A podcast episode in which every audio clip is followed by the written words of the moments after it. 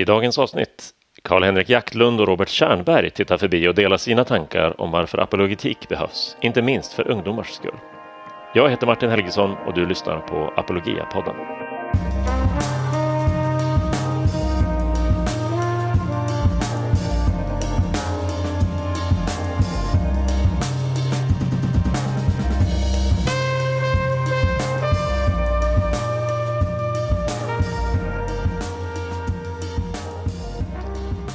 Ja men hallå, välkomna tillbaka till Apologia-podden.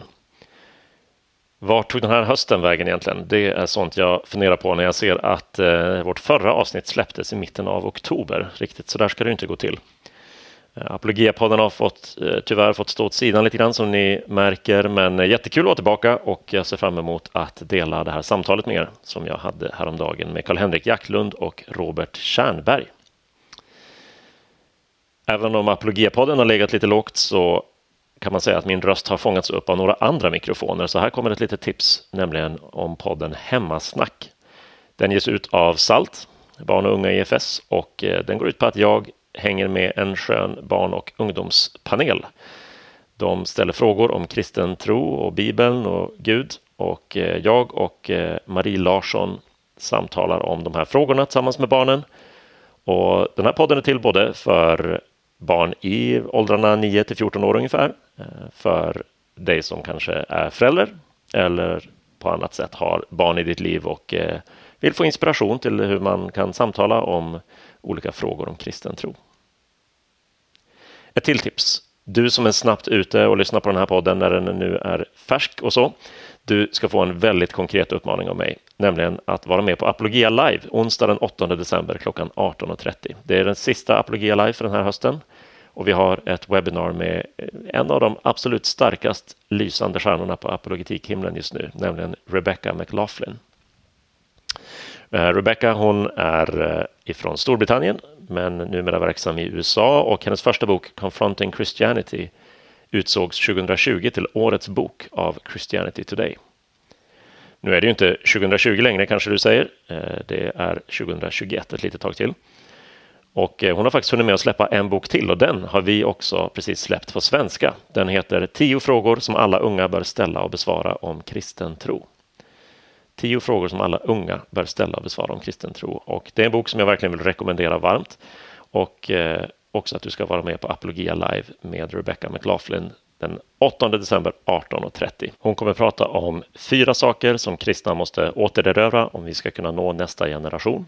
Och eh, du kan enkelt delta genom att klicka på länken här nedan eller gå in på apologia.se. Och eh, jag kan bara säga att eh, du inte vill missa det och om du känner en tonåring så bör du starkt överväga att lägga ett fint inslaget exemplar av den här tio frågor-boken under granen för deras skull.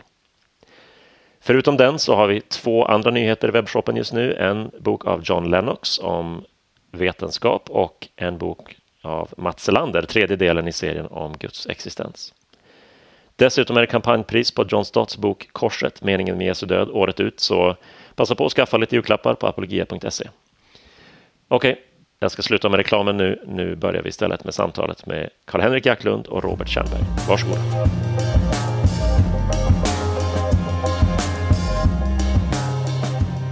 Ja, men, eh, välkomna till Apologia-podden Karl-Henrik Jaktlund och Robert Tjernberg. Vad kul att, att ha er med. Eh, för de som in, inte känner till er, kan ni kort berätta vilka ni är? Kanske Robert ska börja. Ja, tack så jättemycket för att få vara med här. Det känns ju jättespännande att få med i det här samtalet. Eh, jag eh, heter ju då Robert Tjernberg och är chefredaktör för den kristna tidningen Sändaren. Eh, vi sitter ju vanligtvis på Kungsholmen i Stockholm där vi har kontor. Eh, men eh, nu jobbar jag hemifrån just idag när vi, när vi spelar in det här så att jag sitter i Allingsås eh, i Västra Götaland. Så jag pendlar mellan de här fina orterna Stockholm och Allingsås. Det är en, en bra kombo tycker jag av småstad och storstad. Ja, du har en, en otroligt tjusigt bibliotek i bakgrunden också. Så att, eh, det är imponerande att det är ditt hemma, hemmakontor. Det ser väldigt eh, flott ut. Ja, men det här är tänkar, tänkarstället i huset. Ja, det är bra. Det behöver man, det behöver man ha. Eh, Karl-Henrik, vem är du? Ja, Karl-Henrik Jacklund heter jag. Jag är nationell ledare för Alfa Sverige. Eh, därtill med lite pastors... Eh, eh, lite pastorsprocent också i lokal församling, Pingstförsamlingen i Falköping. Eh, men just nu nästan bara Alfa Sverige-arbetet. Eh, bakgrund som eh, kollega till, eh, till Robert som eh, journalist på tidningen Dagen. Eh, och eh, skriver både böcker och eh, krönikor och sådär. Jag är helt övertygad om att det bara är ett sånt där filter som Robert har där. Det där är inte hans böcker utan det är han laddat ner någonstans ifrån. Så där, alltså, det, så där mycket böcker läser inte Robert Stjernberg. Liksom. Det, det ser lite för välsorterat ut. Jag tror ja, att det ligger något i det. Det här är en image bara såklart. Så är det Jag märker att du står liksom framför den mer brokiga delen av biblioteket medan de här ja. snygga liksom, referenslitteraturen syns. Exakt, men här uppe är ju alla så här pockets som man egentligen läser. Då, alltså. skamhyllan. Ja, det är bra. Ja, nej, men, de här finns liksom. Det... Just det, precis. Precis utanför bild. Just det, just Praktiskt det. nog. Ja, men välkomna hit, jättekul att ha er med i podden. Eh, jag känner inte någon av er, har inte träffat er förut. Men, eh, men det är intressant att du nämnde din bakgrund på dagen också, Karl-Henrik. För mig, eh, så när jag ser ditt namn tänker jag på dig som journalist och jag tyckte det är lite rolig ironi att jag just ska intervjua två journalister. Uh, och jag tycker ja, Jaktlund och Kärnberg, det låter ju som en riktigt högprofilerad journalistpodd. Uh, så här. Eller hur? Ja, Där måste vi starta Robert. Där ja. måste vi starta. Ja, det låter verkligen som någonting. Du, du kanske ja, men, uh, något här. Lyssnarna får hålla utkik efter den i, i era favoritpoddappar. Eh, vi ska prata om några texter som ni har skrivit den senaste tiden i sändaren då om apologetik. Och jag tänkte Robert, du skulle börja med eh, en ledare som du skrev. Och det har ju gått nu lite drygt ett år sedan du skrev den. Men du lyfter fram där eh, behovet av apologetik och en grund, en stadig grund i tron Eh, som en del av kristet lärjungaskap. Eh, kan du berätta, vad fick dig att skriva den artikeln? Just, eh, just det var ju att det var en period där det var ganska många högprofilerade kristna personer som hade på något sätt varit ganska frontfigurer i sina sammanhang som, som lämnade sin tro eller gav uttryck för starka tvivel och sen när man började läsa lite kring vad det här egentligen berodde på så, så kände man att mycket av de här frågorna som de ställde sig eller som de öppet pratade om är ju, är ju frågor som man på ett sätt tycker att de, de borde vara förbi de frågorna. Det, det var liksom på den här eh, grundnivån, liksom, kan Gud vara god? Alltså det är ju en fråga som man måste ha med sig hela livet. Men, men det var lite som att, har de aldrig tänkt de här frågorna tidigare och har de kunnat stå, stå liksom i en, i, i så långt fram i en tjänst utan att ha funderat över de här frågorna? Men så började jag lite sådär eh, reflektera över min egen tro och, och vänners tro och sådär. Och, och så det, det, finns ju jättemånga fördelar med att vara uppvuxen i en eh, kyrka. Eh, men, men för min del, jag kom ju från ett annat håll. Jag är ju då inte uppvuxen i en kyrka utan jag blev ju då eh, kristen efter att jag läste eh, Gironitbibeln i, i nian så här, eh, som kom. Eh, då kom jag ju också in med, med, med intresset för de här frågorna och liksom de här frågorna var ju någonting som var centralt för mig direkt. Medan jag mm. eh, eller förstår nu att många av mina, mina vänner och, och, och, personer som är uppvuxna i kyrkan, de har liksom kanske hakat, liksom bara fortsatt en tradition där, där det var deras föräldrar, deras farföräldrar som tänkte de här tankarna. Eh, och jag har lite funderat så här, men vad, vad beror det där på? Eh, och, och, och, hur kan man liksom göra så att det blir aktuellt i varje generation? Och jag tror att det finns, jag tror, nu, nu går jag lite utanför egentligen vad jag skrev här, men, men om jag utvecklar de tankarna lite så tror jag att det finns kanske en rädsla för, för den, från den äldre generationen, alltså för, för liksom församlingarna att om vi tar för mycket i de här frågorna när folk är för unga så då kanske de faller bort eller de liksom kanske inte kan, eh, vi kanske inte kan hantera de här frågorna så vi pumpar på med, med det som är bra och liksom vi, det, det är fokus på på att Gud är god och Gud gör under och, och Gud gör si och så. Men, men jag tror ju att den här eh, mörka delen, eller om man ska säga det här där, där, man verkligen måste jobba med sin tro tidigt för att den ska kunna bevaras, är superviktig. För förr eller senare så kommer du liksom stå där med frågorna och, och det är mycket bättre att du har gått igenom dem när du är eh, ung eller eh, nykristen eller så, än att du gör det 20 år in på resan. För då är det liksom då är det inte heller lika lätt att ställa de här dumma frågorna eller, eller känna att man kan. Ja, men jag har varit kristen i 20 år men, men kan Gud verkligen eh, ha, ha, ha um, kommit till Maria och, och gett henne en son utan att det var en man inblandad? Alltså, de här frågorna, det, det, det är svåra frågor men det, det, är bättre att ta dem tidigt än att ta dem 20 år in. Och det finns ju mycket svar. Det finns, det finns ju mycket att, att liksom gräva ner sig i här. Ja men precis, det kan vara så att det nästan känns pinsamt att ta upp dem när man tycker att äh, det här borde jag kanske ha koll på. Exakt, exakt. Och, och det, det, där, där, där måste jag säga då att eh, Karl-Henrik och Alfa eh, ger ju faktiskt en andra möjlighet till det. Och det är ju fantastiskt att, att eh, det är klart det finns ju många som inte har funderat på de här frågorna och det behöver ju inte betyda att när man väl börjar fundera på dem att det är kört. så att säga. Men, men, men vi behöver hitta fler former för det här. Alfa är ju ett, ett kanonexempel men, men hur kan vi liksom eh, jobba in det här liksom från tidigt? Att vi har med det här i ungdomsarbetet, i, i liksom det vardagliga eh, arbetet i våra församlingar. Jag tror det är superviktigt.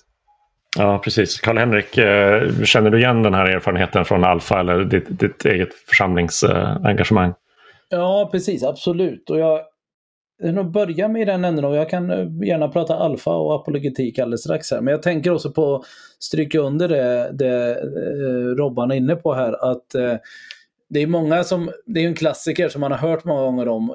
Man växer upp i en ganska liksom trygg miljö och allting liksom funkar inom den och sen kommer man till universitetet och så välts allting upp och ner liksom och då är det för sent ofta. Alltså, eller för sent, det kan väl finnas en väg tillbaka men det, det är i alla fall ett onödigt avbrott då i eh, och att man plötsligt då ställs inför frågor som är fullt relevanta och rimliga men som man själv inte har hört då innan för att man kanske själv inte har erövrat dem. Men då kanske kyrkans uppgift i eh, eller i hemmet, alltså om vi nu utgår ifrån antingen liksom föräldrar eller liksom kyrkans ledare, att det kanske faktiskt finns en uppgift att inte bara ge svar utan faktiskt väcka frågor, nya frågor hos, hos eh, unga, de som växer upp. Liksom. Och, och eh, jag vet i min första, jag skrev en bok som heter Jesus gick vidare och kyrkan står kvar om att växa från tonårstro in i vuxentro. Ja. Och där fanns det med som en aspekt i det och jag nämnde med en min gode lärare på, när jag gick bibelskola, Greger Valve, som konstaterade liksom när vi, när vi läste i olika frågor att men alla här tycker ju gripande typ samma sak. Alla har samma svar liksom och sådär. Så han, i, så han iklädde sig rollen liksom som djävulens advokat eller som den liksom eh, opportunisten liksom. Och, eh, mm. och sa att, ja men då har, vad säger ni om det här bibelstället då? Vad säger ni om den här tolkningen? Vad säger ni om eh, den här kyrkliga traditionen som ser helt annorlunda på det?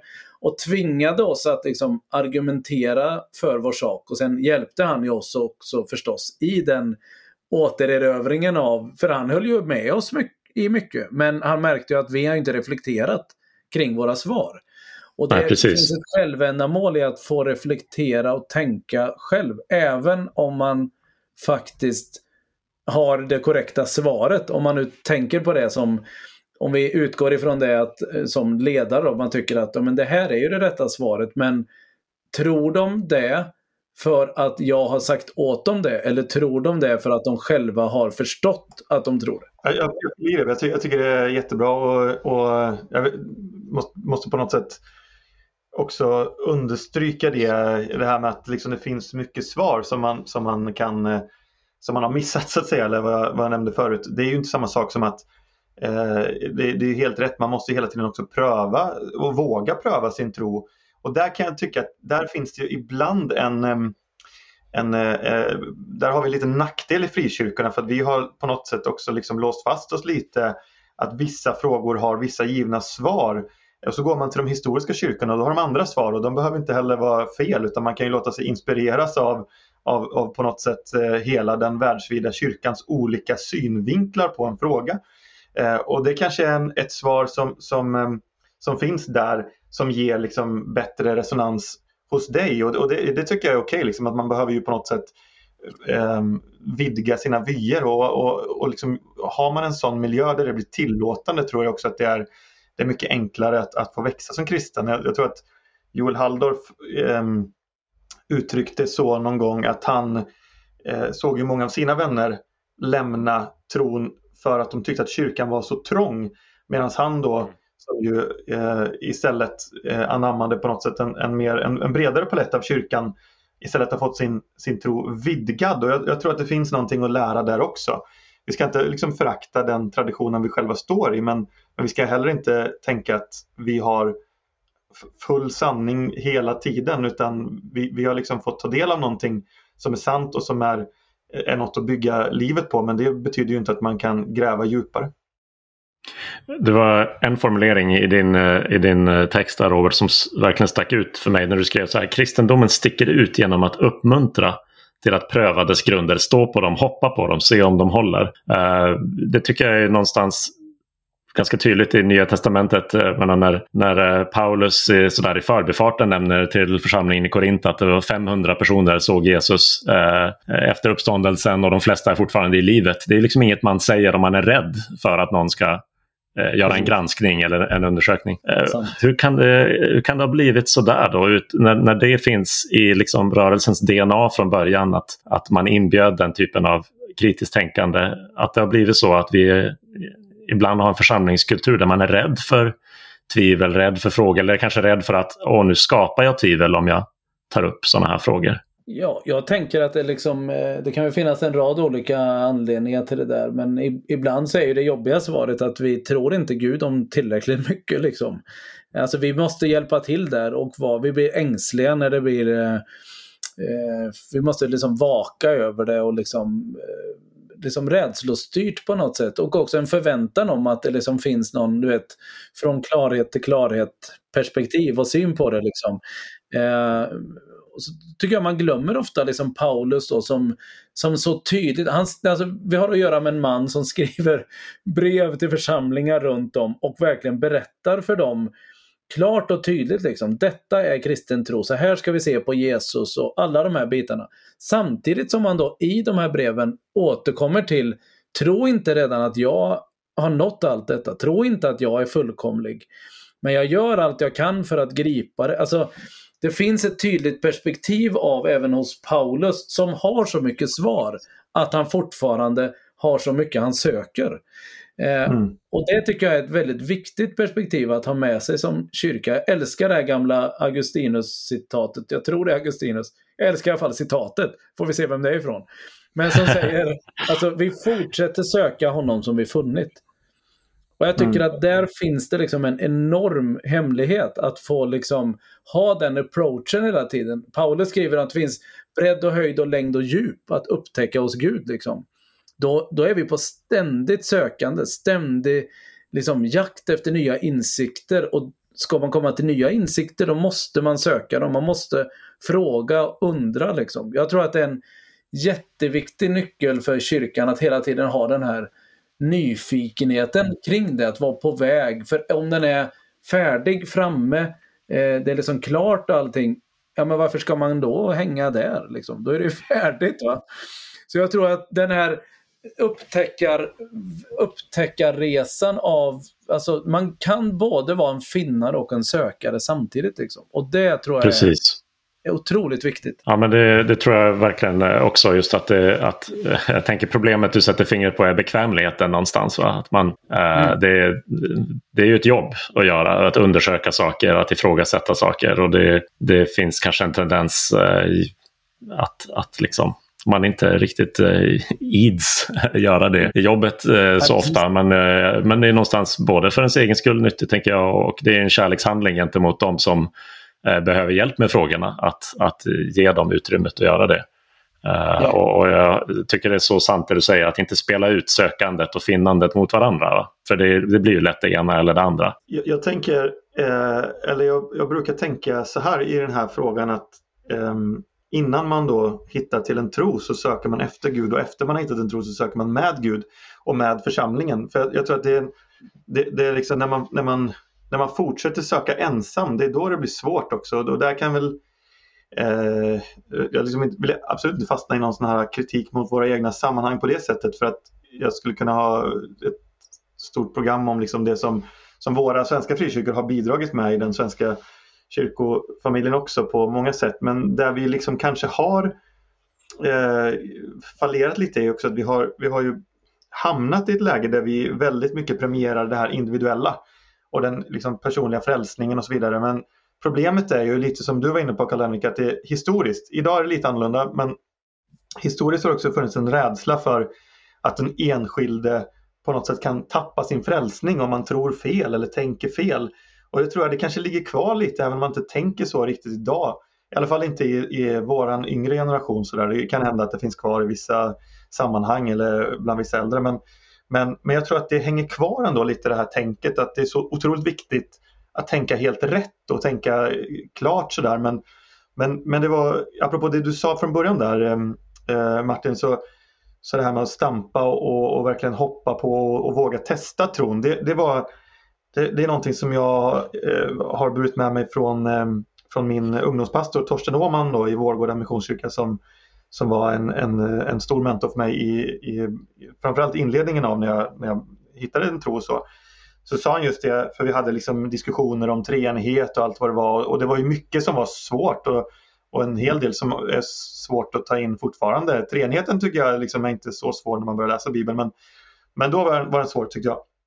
Ehm, men då fick jag just det rådet, men, men hoppa på det, pröva på det. Liksom, om, det inte, om det inte är sant så behåll det inte. Men, men om du liksom får glädje av det, om du känner att det, att det liksom tillför din tro någonting så, så våga tro på det. Och det, jag, tror att, jag tror att det är liksom en ganska så bra grundapproach att ha. Eh, att liksom, Gud överger dig inte för att du vågar ifrågasätta utan det är snarare så att han kan vara med dig i det sökandet. Liksom. Om jag får plocka upp den här alfa-tråden som eh, Robert slängde ut förut och som jag ju inte tog tillvara på. så kan jag tycka att här kring apologetik så tycker jag att det finns den här spännvidden här som jag tycker är så spännande. För alfa är ju väldigt mycket apologetik, alltså försvar av, förklarande liksom. Detta lär kristen tro om Jesus.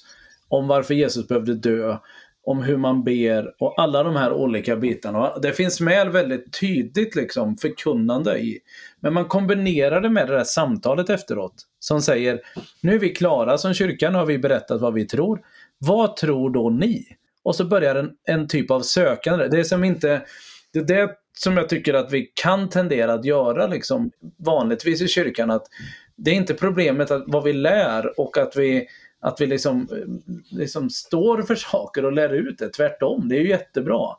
Men just i den här kombinationen med liksom att det inte är färdigt därmed utan att nu fortsätter processen, nu inbjuder, alltså det är inte bara tillåtet att tycka och tänka och reflektera kring det som kyrkan nu har undervisat från predikstolen eller vad det är. Va? Utan det är till och med, mm. det är inte bara tillåtet, det, det uppmuntras. Det är liksom, det mm. förväntas. Det är liksom en, en självklarhet liksom att eh, liksom släpp fram alla, alla era tvivel, all er otro och all er tro. Allt är liksom tillåtet här i det. Och jag tycker att där finns det något väldigt vackert och frigörande liksom, där kyrkan inte ska ta ett steg tillbaka och bli mindre tydlig för att vara sökarvänlig utan Nej. tvärtom vara sökarvänlig i att berätta tydligt så att det finns något att ta spjärn emot. Men också tillåta att människor faktiskt både liksom tänker högt och lågt och så kring det liksom och ifrågasätter det och eh, det är först när man liksom tillåts både liksom uttrycka otro och tvivel på något sätt som man faktiskt kan uttrycka tro också. Mm. Jag är övertygad om. Ja, jag, jag, tänker att eh, i allt det du säger nu Karl-Henrik så är ju förutsättningen någonstans är ju, är ju eh, Eh, förtroendet för sanningen. Liksom. Mm. Och, och, det här att man har, kan ha en, eh, en liksom icke-nervös hållning till det hela. Att man inte är rädd för att det plötsligt ska komma fram något som är fullständigt ohanterbart eller liksom rädd för åsikter, frågor eller någonting. Utan tilltron till att eh, liksom all sanning är Guds sanning eh, och att vi kan söka den tillsammans. Den är, den är så viktig både som en eh, så att säga rent intellektuella övertygelsen men också som en personlig hållning. Ja. Och det där det, det, det lirar också in med det som jag var inne på förut, detta med att vi ibland kanske är vi är lite oroliga, vi försöker liksom lösa det, vi litar inte helt kanske på att Gud, att Gud liksom tar tag i detta. Liksom. För det är ju också en av ingredienserna i alfa, den här övertygelsen om att det här är Guds process. Liksom. Alltså Gud får, vi låter liksom, vi litar på att, att Eh, på anden liksom i detta. Så det är ju, där finns ju det lite annorlunda i, i ett, om man ska se det ur en apologetisk eh, synvinkel, att man presenterar kristen tro, försvaret, förklarandet så va. Men sen så släpper man det till frågor men man går inte i så mycket svaromål då. I smågruppen är ju inte det här man man ska då inte hamna i liksom ställ frågor till mig så ska jag förklara. Utan man, man, låter ju gruppen sinsemellan liksom vara, sen få ta detta vidare liksom. Och grundinställningen där är egentligen inte att man ska liksom Eh, det är klart man kan svara på direkta frågor men, men man hoppar inte in hela tiden och liksom tillrättavisar och, och, och, och liksom korrigerar utan det får gruppen göra lite tillsammans och så litar man på att, att Gud kliver in i rummet. Liksom. Jag tycker det är vackert. Just det. Ja. Eh, ett, eh, ett inlägg till från dig Robert och sen tänkte jag gå vidare och prata om Karl-Henriks krönika här. Yes. Nej, jag tänkte bara eh, återkoppla lite, eh, väva samman där som vi började i. Ett, eh, jag pratade ju om att i krönikan, eller ledartexten, att jag tycker att det är viktigt med att man eh, införlivar det här i, i lärjungaträning och jag, jag tror att det kanske också är där vi ibland eh, brister då att vi skulle kunna ha en mycket mer strategisk och liksom bättre tanke kring hur gör vi lärjungar av unga människor och ja, inte bara unga men, men det var ju det jag nämnde i texten och jag tror att det är viktigt att börja liksom från, från grunden och då eh, kanske vi ibland eh, lägger bort på något sätt den, den tiden i fel händer. Det, det är ju många som vittnar om att man har haft en alldeles för ung ungdomsledare som kanske inte var tillräckligt mogen och sådär. Men varför lägger vi liksom, varför, varför gör vi inte jag, jag, jag, jag, så nu återigen här, det är ju många kyrkor som gör jättebra arbete med ungdomar, det är inte det, är inte det men, men där borde vi ju lägga mycket, mycket mer kraft, tid, pengar. Liksom. Vad, vad, det är ju de som är vår framtid och det är liksom lite sådär, ja men vi ser till så att eh, församlingen mår bra men ungdomarna, vi vet inte riktigt vad de gör och ja, men han är ungdomsledaren här, han är peppig och, och skön liksom men, men vad säger de på mötena? Vilka, vilka idéer är det som kommer fram? Där, där har vi tyvärr en resa att göra liksom, i svensk frikyrka. Just det, det var något som en av mina lärare eh, ofta sa när jag pluggade teologi. Att den, den bästa pedagogen du har tillgång till, sätt den på att jobba med barn och unga. Eh, för vuxna kan ju lyssna och lära sig av de flesta men att, att liksom inte tänka att eh, ja, men vem som helst kan ta hand om barn och unga utan tvärtom där behöver man verkligen ha eh, genomtänkt liksom, pedagogiskt upplägg och så. Men det är jättebra att du tar upp det här med, med unga och ålder.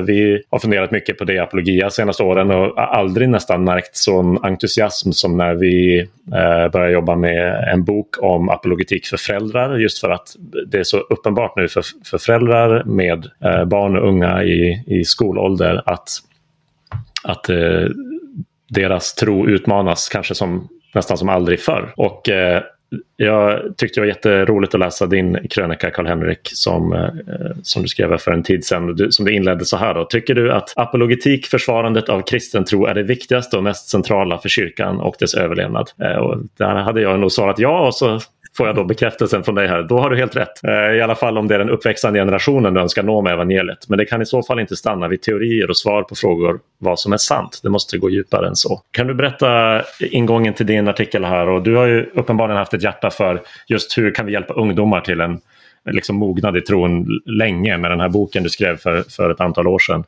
Ja. På vilket sätt kändes det här extra aktuellt just nu? Ja, men den, den här krönikan har sin bakgrund i en, eh, det, det, gjordes en, nu när pandemin, liksom mitt i pandemin så gjorde Alpha International en sån eh, man, jag tror, man gjorde sammanlagt fem timmars intervjumaterial med olika liksom, kristna ledare runt om i världen för att se liksom, vad ser ni, vad tänker ni och sådär. Va? Eh, och i det så var det en, eh, nu tappar jag hans namn för jag har inte krönikan framför mig, men vad heter han? Är det, är det David Kinnaman? Ja, precis. Som då pratar om detta utifrån liksom undersökningar som har gjorts av liksom den, den uppväxande generationen nu. Eh, och där det liksom påtalades väldigt tydligt i det att det liksom inte är inte bara är frågan om är kristen tro sann, utan är den god? Mm. Eh, och det där är ju liksom någon slags, så kan man ju då tänka, ah, men ut med apologetiken liksom. Det var min för, aha, liksom, apologetikens tid är över sådär. Men det är det ju inte, det är apologetik i praktik väldigt tydligt. Alltså att det är inte det att det är helt strunt samma om kristen tro är sann. Men den måste liksom faktiskt vara sann så pass så att den gör skillnad på riktigt. Den kan inte stanna vid teorier om att Alltså att stå och säga då liksom Gud är, Gud är god och kärleksfull och så och sen beter man sig som kyrka precis motsatsen. Då hjälper liksom inte det. Um, Därmed inte sagt att alla kyrkor gör det, men, eller ens någon. Men, men alla sådana bitar, just detta med frågorna är så viktiga idag, va? Att, att de behöver eh, de behöver liksom konkreta svar från ungdomar. Det räcker inte med att de får teoretiska, utan det är liksom, är kristen tro då bra för mig och mina kompisar? Är det till, till, till liksom glädje, kristen tro till glädje för migranterna som, som kommer till, till Sverige nu, liksom, miljön? Alla de här mm. stora frågorna, liksom, har kristen tro eh, liksom någonting konkret att säga in i detta så att det faktiskt gör positiv och god skillnad? Och det är ju enormt positivt. Alltså det är jätteviktigt att de här eh, perspektiven tydliggörs så i, utav den unga generationen. Alltså. Men jag tror att det, att det ligger väldigt mycket i det här. Jag upplever just att, att det har skett en förskjutning på, på flera punkter då där tidigare kanske tillbaka till jag menar, i Sverige trovetande-debatten och sådana saker. Vi har haft liksom eh, en tid då, då det har varit mycket fokus just på förnuftsfrågorna och förnuftsinvändningarna mot kristen tro. Och nu är det både lite annan slags frågor men också kanske ett, ett annat slags temperament i, i, frågorna och en annan eh, passion i dem. Alltså mm. farhågan är inte att kristen tro gör oss korkade utan att den gör oss onda och farliga någonstans. Va? Eller att den är en, en samhällsfara som, som inte leder eh, till något gott. Eh, och eh, samtidigt eh, som det här har hänt så har så att säga kristna och, och, religiösa som tidigare, oavsett om man har hållit med om, om kristen tro, så har man haft någon typ av föreställning om att det är moraliskt liksom pålitliga människor av god karaktär. Så befinner vi oss nu i en situation där, där även själva människorna, bärarna av de här övertygelserna, eh, på ett annat sätt känns som eh, omoraliska, eh, alltså för snäva, intoleranta eller något sånt här. Va? Eh, känner du igen det Robert? Ja, eh, det det är absolut. Jag, tror att det, det dels ligger det mycket i att jag menar för ta bara 20 år sedan så hade vi ju fortfarande en befolkning där nästan alla hade en koppling till, till en kyrklighet, kanske till och med en frikyrklighet. Det fanns eh, någon morfar eller farmor eller någonting i alla fall som hade varit med någon gång och, och det fanns liksom ett Bibeln var, var jag, jag kommer ihåg jag spelade Trivial med min farfar någon gång. Eh, jag har ett där lite roligt minne som kommit upp. Men att, eh, då kom det en fråga, så här, vilken bok finns i varje svensk bokhylla? Och eh, jag var ju liten då så jag tänkte att vad kan det vara? Kalankas pocket liksom. Men det var ju svaret Bibeln. Som att det var en självklarhet. Och där är vi ju inte idag.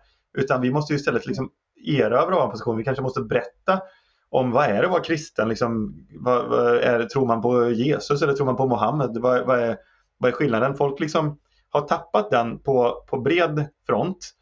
Eh, men samtidigt så ser jag också en, en trend som jag tycker är superspännande bland, bland många unga att om du är intresserad av någonting så finns det ju eh, idag jämfört med, med alla eh, tider någonsin eh, för ett sånt otroligt bibliotek av kunskap och djup bara liksom ett, ett fingerklick bort.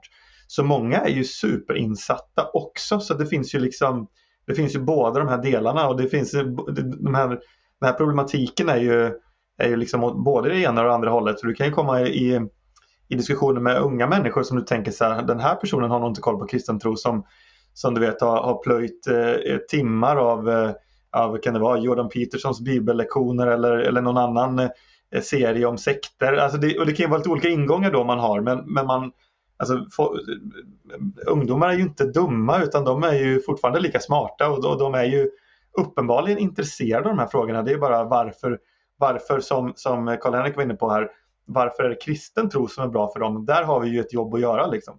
Vad är det den kan erbjuda och vad, vad kan vi varför ska man liksom tänka kristet istället för buddhism eller något annat filosofiskt? Så? Ja men verkligen. Och jag, jag, upplever att interaktionerna som du säger lite grann är, är, mer oförutsägbara än någonsin. För man vet mycket mindre. Vi, vi, är verkligen inte en enhetskultur längre där alla har på något sätt samma referenser och ingångar till exempel till kristen tro. Utan man måste vara mycket mer på, på tå eh, och beredd på, eh, på vad som helst eh, så att säga som kan komma upp.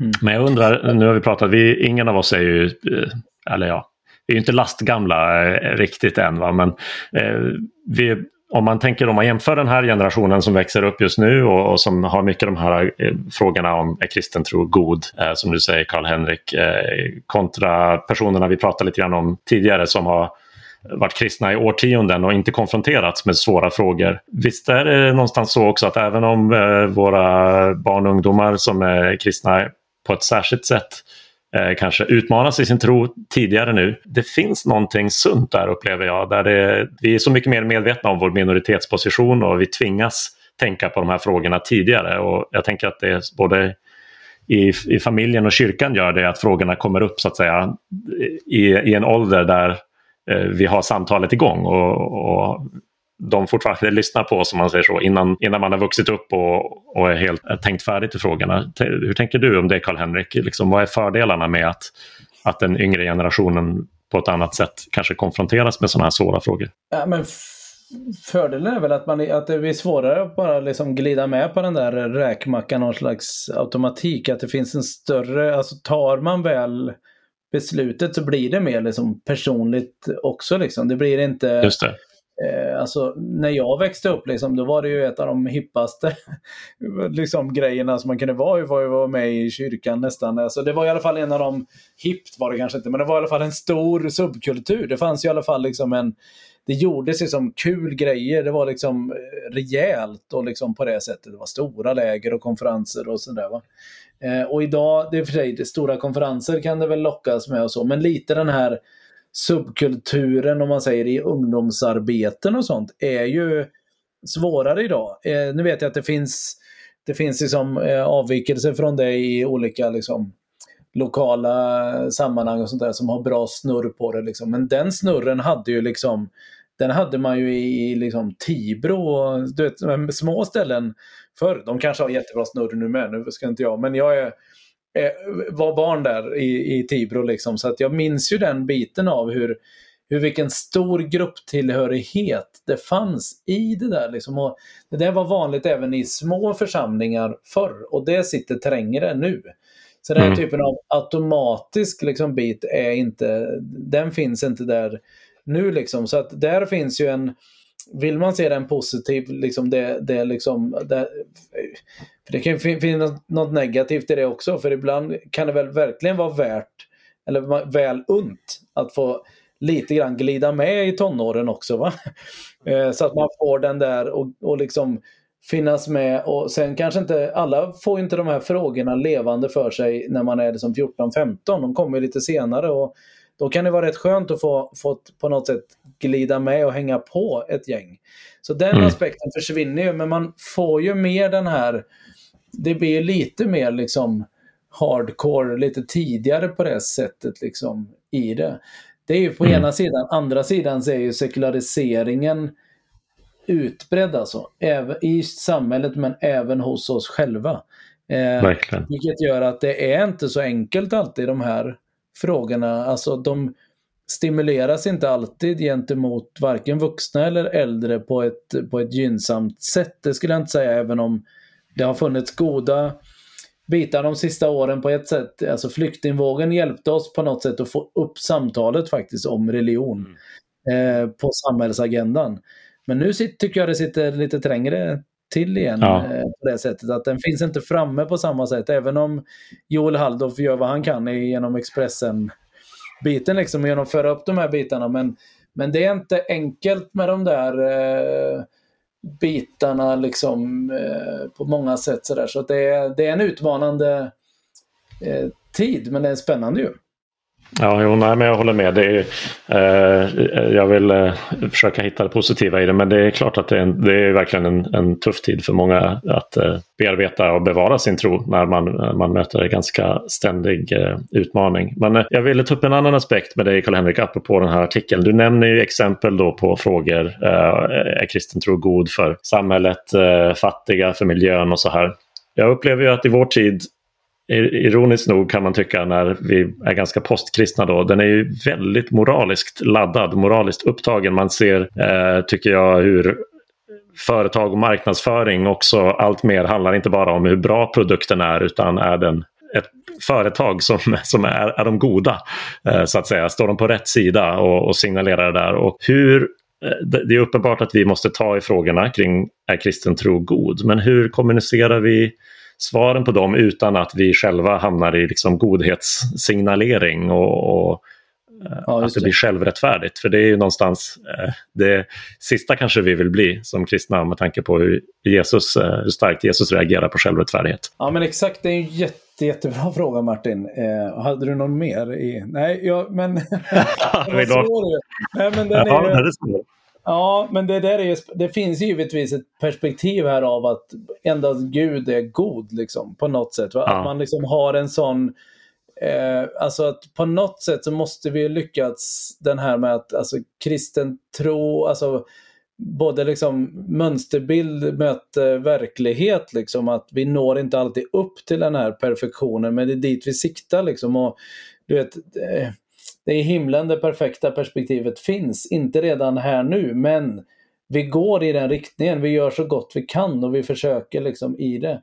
För mm. faran är ju annars att man hamnar i den här, den här perfekta, eller som tror sig vara perfekt eh, församlingsmiljömässigt, som snarare blir någon slags förvaringsplats för de här självrättfärdiga helgonen. Liksom. Snarare än det här sjukhuset för syndare. Liksom. Och, ja, precis. Eh, så, så där finns ju verkligen en, en, en utmaning att, eh, att på något sätt i vår brustenhet och litenhet ändå liksom sträcka oss efter att göra liksom att, att på något sätt gestalta så mycket vi kan utav den, den, den tro vi har på en, en god Gud som ska upprätta skapelsen, som ska, som vill, som kommer mätta de hungriga, som kommer och, och klä dem utan kläder och alla de här bitarna liksom att, eh, att försöka faktiskt leva i samklang med det, även om vi inte kommer Även om vi inte kommer lyckas få till det så som Gud kommer lyckas få till det i, i, i liksom när allting upprättas. Jag tycker att det ibland också kan finnas en aspekt av att vi själva fastnar i eh, eh, att vi inte riktigt gör skillnad på vad som är godhet och vad som är snällhet så att man, eh, man hamnar liksom i i att ja, men vi som kyrka så ska vi vara snälla mot alla och det ska liksom finnas i och så. Men sen glömmer vi bort att kanske godhet det, det innefattar mer saker. Det, det kan vara att berätta om Jesus, det kan vara liksom att eh, att säga sanningen i vissa, vissa lägen även fast det är obekvämt. Eh, det finns så mycket i den här aspekten godhet som, som vi inte riktigt jobbar med så mycket idag tror jag och det, det, blandas ofta ihop med snällhet och det kan man ju höra också som en förväntan från andra att men du som är kristen, så här, du, du ska väl göra det eller du ska väl göra det eller du kan väl gå och hämta det. Kanske speciellt från unga, liksom, du som är kristen, du kan väl hämta kakan åt mig i fikarummet. det kan vara liksom. Eh, men det är, det, är, en jättebra fråga och jag tror att det är liksom en fråga man kanske behöver jobba med mer också. Vad, är, vad är godhet? Liksom? Vad innebär godhet? Både så här, vad innebär att, att Gud är god men hur kan vi också så att säga, förvalta den godheten eh, som kyrka? Det är en jättespännande fråga. Ja, nej, det, det är enorma frågor eh, såklart. Och, eh, men det är något jag funderar på. För jag är övertygad om att det ligger mycket i det. Och vi, något vi mm, i vårt kollegium med Apologia pratar mycket om just nu. Just att möta den moraliska eh, så att säga, ehm, kritiken mot kristen tro. Och hur gör man då det på ett sätt som bevarar ödmjukheten så att det inte blir eh, signaleringsbeteendet som, som man eh, ändå kan se och, och, och lätt genomskåda på andra håll och tycka att det, det blir så ihåligt. Ja, precis. Utan att man vill, och man vill inte hamna i varken liksom, moralism eller liksom, lagiskhet och så vidare. Liksom, utan att Exakt. det här faktiskt springer utifrån en, en liksom, längtan efter att få, få liksom bli en del av det som, som, som Gud gör. Liksom, och, i, och där vi är i behov av Guds nåd och Guds ingripande för att det här ska bli. Liksom. Men att det, det här är liksom någonting vi vill, inte någonting vi måste. Och det är liksom inte det som, vi förtjänar inte vår frälsning genom att, att göra det, utan för att vi, vi, liksom, vi längtar efter mer av Guds goda. Liksom. Ja, det måste ju vara, evangeliet måste ju vara svaret där någonstans, att det är godhet eh, och nåd. Eh, för det är precis, precis det som saknas ute i samhällets diskurs när det pratas så mycket om godhet, är ju, är ju nåden så att säga. Um, jag skulle vilja röra mig över till en sista eh, sak i samtalet här. Du skrev eh, en artikel Robert, eller en, en, ledare där du pratade om pastorers arbetssituation. Det var en intressant beskrivning där du skrev att pastorn ska gärna knyta goda kontakter i samhället samtidigt som hen ska besöka sjuka, vara en apologet, teolog, inspiration för de unga, predika bäst av alla i kyrkan. Eh, att vara en apologet, är det eh, det var så intressant att se det i listan där tycker jag. Och skulle du säga att de flesta pastorer i, i ert sammanhang eller som du känner personligen har det som en del av sin självförståelse så att säga. Att jag är kallad att vara en apologet. Knappast arbetsbeskrivning men, men jag, jag, ehm, eh, jag, tror ändå att man blir ju det i den rollen liksom, så får man ju svara på frågor om kristen tro. Och det, det gäller om alla kristna men, men som pastor framför allt eh, så möter man ju människor som har frågor om kristen tro eller hur kan Gud göra så eller hur kan det hända si och, och, och, och sådär. Va? Så att, mm. eh, det jag ville lyfta fram med den texten var ju egentligen att Eh, och lite baserat då på en, eh, en, eh, en text som uh, vår gode vän här Karl-Henrik skrev innan att vi liksom vi kanske behöver tänka om, liksom, ska, hur ska en, en, pastor fungera och, och, och liksom funka på bästa sätt? Idag så har vi ju fortfarande så i många sammanhang att det är väldigt mycket som ligger på en pastor.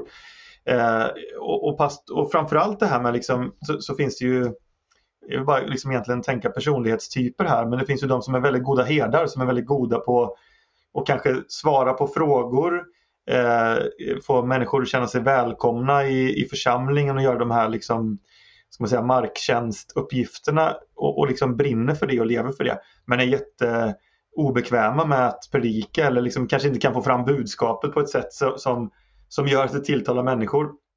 Och sen har ju, har, och det, det, kan man ju lite så generalisera då och säga att det är pastor, evangelisten då liksom. Men, men du har ju de som är fantastiska talare och så men också är eh, ja, kanske ibland till och med usla församlingsherdar. och, och, det där är ju ett problem om man bara är kanske en eller, eller en, kanske inte ens en hel liksom heltidsanställd.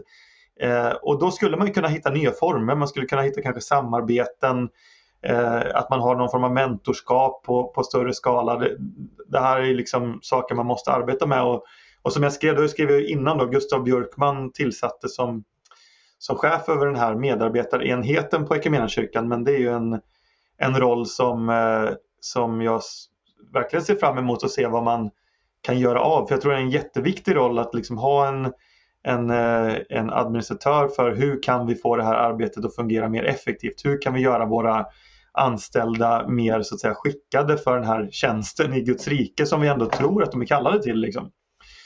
Eh, och hur kan vi få församlingsmedlemmar att engagera sig mer ideellt igen kanske då på, på vissa punkter där pastorn brister eller kan vi göra på andra sätt? Eh, jag skulle, jag skulle kunna tycka, tycka att det skulle vara intressant att gå så långt som att måste alla, alla anställda i en församling Eh, så tillvida nu det finns ekonomiska resurser, det är ju ofta det som det faller på. Men, men vi pratar en drömförsamling, alltså varför eh, Tänk om man hade någon som var, för menar, bara för att du är pastor så är det inte säkert att du är en superadministratör eller jättebra på bokföring och siffror och så. Men, men i, den, i den bästa världen så skulle man kunna liksom ha både om man säger så, sekulär och andlig personal och så kunde man bygga team som gör det man är bäst på. Liksom. Men det här är ju en drömvärld. Det är ju ja, till alla små församlingar som kämpar. Alltså det, det är fantastiskt det ni gör men, men, men vi behöver lyfta frågorna. Kan vi hitta andra vägar tills den här drömvärlden slår in.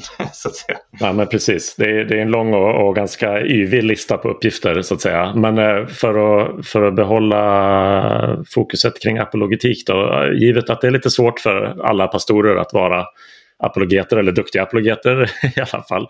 Eh, precis som det är svårt för alla att vara duktiga på massa andra områden. Vad tänker ni, vilka slags forum, om man nu vill ta de här utmaningarna, ta fasta på dem och skapa liksom en kultur i församlingen där eh, frågor ska vara välkomna, vi ska ha eh, miljöer där man får eh, ställa de här frågorna, brottas med dem, kanske både för Eh, de som redan är på insidan men också utomstående. Vilka slags eh, samlingar skulle det kunna vara som ni efterlyser så att, att eh, de, här, eh, de här frågorna får bearbetas? Jag ska bara ta ett snabbt eh, eh bra exempel på det eh, som, eh, som Bålänge Ekumenia kyrka tillsammans med Bilda och eh, kanske någon mer organisation hade för någon vecka sedan. Och som, det, är inte, det är inte nytt i just Borlänge utan jag tror att vi har kört den i Alingsås här också på flera ställen. Eh, men det här Gud, eller Borlänge frågar om Gud. Eh, när man gick, gick, ut med kampanj och gick ut på stan och, och frågade folk vad man liksom har för frågor om Gud och till Gud kanske till och med. Då. Och så hyr man Folkets hus och så låter man liksom folk komma, ställa sina frågor. Man har tagit upp lite frågor innan. Det är ju ett superbra forum för att också möta den här efterfrågan på, på liksom folks eh, ärliga funderingar kring Gud. Lite kanske ett förstadium till alfa eller alfa i en mer liksom basic eh, nivå. Men jag tror också så om man går tillbaka, hoppar tillbaka lite till eh, och blandar de här två krönikorna som, som, som, som du har tagit med från min, min sida här idag att jag tror att det är viktigt också liksom att, att våga, eller våga, att, att ha Eh, eh, samtal eller utbildningar kring apologetik i församlingen också. För att börjar man nysta i det så tror jag att liksom intresset är större än man tror. Eh, och även för de som kanske inte tror att de är intresserade av det inser att ah, men, oj, okej, okay, det fanns svar på den här frågan. Det finns liksom, tankar jag kan tänka vidare kring i de här frågorna. Och jag måste ju lyfta, alltså när du frågar efter forumet där för att liksom med frågor och alla med. Vad ska han säga nu? Ja, vad ska jag säga? Nej, men det var ju en, det var en väldigt fin beskrivning av vad Alfa vill vara i alla fall och faktiskt är på många eh, områden. Och sen, sen finns det givetvis andra sätt att gestalta det där och så. Men jag tycker att det fina faktiskt om jag Eh, eftersom alfakurserna är helt gratis och anordnas så kan man ju vara lite frimodig där. Men jag tycker att det fina där är att man faktiskt kan få väldigt liksom alltså varm och god apologetik presenterad för sig. Och att, att, att man också framför allt kanske, tänker jag på nu Robert, för de, de där som faktiskt sitter och känner det förväntas på något sätt in i min tjänst men jag är inte apologetik först och främst. Jag är liksom evangelist eller herde eller så vidare. Det är klart att man alltid har bitar av men jag skulle vilja ha mer utav det där liksom i det. Att då kunna luta sig mot och faktiskt kunna ha en alfakurs som en resurs in i det. Eh, och liksom kunna få in det där och även liksom kunna sätta lite av det här, få smak på en, en liksom kultur på det sättet i eh, som innefattar både liksom apologetiken och liksom eh, både liksom frågorna och svaren på det sättet. Liksom, i, eh, så på det sättet tycker jag att Alfa ligger väldigt rätt i tiden. Liksom, eh, så. Eh, sen är jag ingen på det sättet, alltså när jag hör om det i Borlänge-mässigt så är det liksom Eh, det är inte så att man blir liksom lite, lite sur över att, inte att de inte gjorde alfa istället. Det är ju jättebra. Gör allting, liksom, alla de här bitarna. Men jag tror att de bitarna som liksom där, där kyrkan kliver fram med sin tro men också har liksom en nyfikenhet och en generositet på att folk har frågor om den tron. Där, i det mötet, så tror jag det sker oavsett om det heter alfa eller något annat. Precis, ja, men man måste väl kanske ibland våga liksom sticka ut och säga att vi, vi, vi är öppna för att prata om vår tro. För ibland kan man uppleva att kyrkan helst inte vill prata om sin tro och det är viktigt att visa att vi faktiskt vill det. Ja, det vore olyckligt. Ja. Men, men sen så, jag tror, jag gillar det här ordet som du närma, eh, nämnde där med varm apologetik. För jag menar, de, de flesta av oss eh, är ju liksom, hamnar ju inte i, eh, Mikael Grenholm eller Stefan Gustafssons skor där vi liksom ska stå och debattera med någon, någon liksom mm. humanist som, som har, alltså, och det liksom är på argumentnivå och så ska det bli någon debatt. Utan den, den, liksom, den främsta apologetiken är ju liksom folks eh, ärliga frågor. Det kan vara lite hårdare faktiskt i, i ungdomskulturen men, men, eh, men även liksom på jobbet och, och, och, arbetsplatser om man nu inte då jobbar på sändaren till exempel som jag. Då. så där, där, det är lite annorlunda arbetsplats. Eller om man jobbar på Alfa. Liksom. Men har man ett vanligt jobb, man jobbar på på liksom en fabrik eller någonting, då kan det komma sådana frågor. Och det är ju där egentligen man behöver apologetiken. Och det, det är ju ofta ganska så banala, det, det, är ju det är sällan så här kanske, eh, ja men hur, hur liksom förklarar du eh, någon eh, så här, mekanism i rymden, utan det handlar ju mer så här, ja men min, min, min mamma fick cancer och dog. Hur i HVT kan jag tro på Gud efter det här? Alltså det är ju det är mer sådana vardagliga frågor som, som kanske dyker upp och det är kanske de frågorna som vi behöver också liksom våga prata om högt i kyrkan och precis som du säger liksom använda oss av varm apologetik. Så både att våga kliva ut utanför kyrkan, och testa det här eh, initiativet som, som man har provat i Borlänge är jätteintressant. Vi eh, gjorde liknande grejer eh, när jag var engagerad i Credo i studentrörelsen där och på Stockholms universitet eh, och så intervjuade men som, som du är inne på då Robert också, så mycket av apologetiken behöver ju hända i, i vardagen och då kanske församlingens roll är att rusta för de samtalen. Mm. Det är inte alltid de samtalen äger rum i kyrkan, men det är där man kan bli förberedd för att kunna ha dem under veckan mm. på jobbet och fabriksgolvet och sådär. Ja. Jag skulle skicka med en sak bara i, i, för, för er som har lyssnat hela vägen här. Att, en sak som har hjälpt mig och det kanske låter väldigt rimligt när jag säger det här nu men, men jag tror att det gäller för alla även om man inte jobbar med att skriva är att faktiskt börja skriva sina tankar om Gud. För på något sätt är ju att skriva det är ju egentligen inte sådär väsensskillnad från att tänka. Men det är ju att man får manifestera sina tankar någonstans. Och när man bara går och tänker sina tankar då är det lätt att de fastnar någonstans och man vet inte riktigt vad det var man tänkte. Man vet inte riktigt vilket, vilket svar man söker. Men det har hjälpt mig väldigt mycket att skriva ner mina tankar och sen liksom kanske gå tillbaka till dem, läsa lite, skriva lite mer istället för bara tänka i huvudet. Utan tänk, tänk med kroppen. Det, det, det, det brukar, eh, för mig i alla fall, funka bättre att komma fram till svar som, som håller för mig. Då. Det är ju evangelistens och apologetens eh, ständiga börda. När man har haft ett riktigt intressant samtal så kom, ligger man på kvällen och så kommer man på det är det där jag borde ha sagt i det där ögonblicket. Eh, ja. Så jag tror verkligen det kan vara ett bra tips. Har man eh, samtalen ibland eller man har en kollega eller någon i sitt liv som man märker att den här personen verkar lite nyfiken. Vi kanske kommer prata om det här, att på förhand faktiskt skriva ner tre punkter. Det är det här jag skulle vilja kommunicera. Eh, det är det här jag skulle vilja att den personen tog med sig eller så här vill jag eh, den här ingången vill jag ha i det samtalet så att det inte hamnar fel. Eh, det är inget dåligt tips för det skrivande tvingar en att bli mycket tydligare än, än, än den där inre monologen ibland kan vara. så att säga.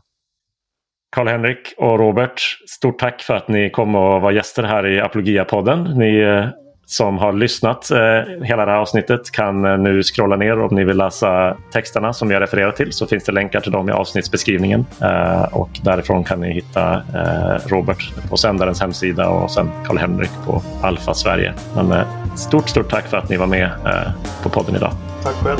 Stort tack.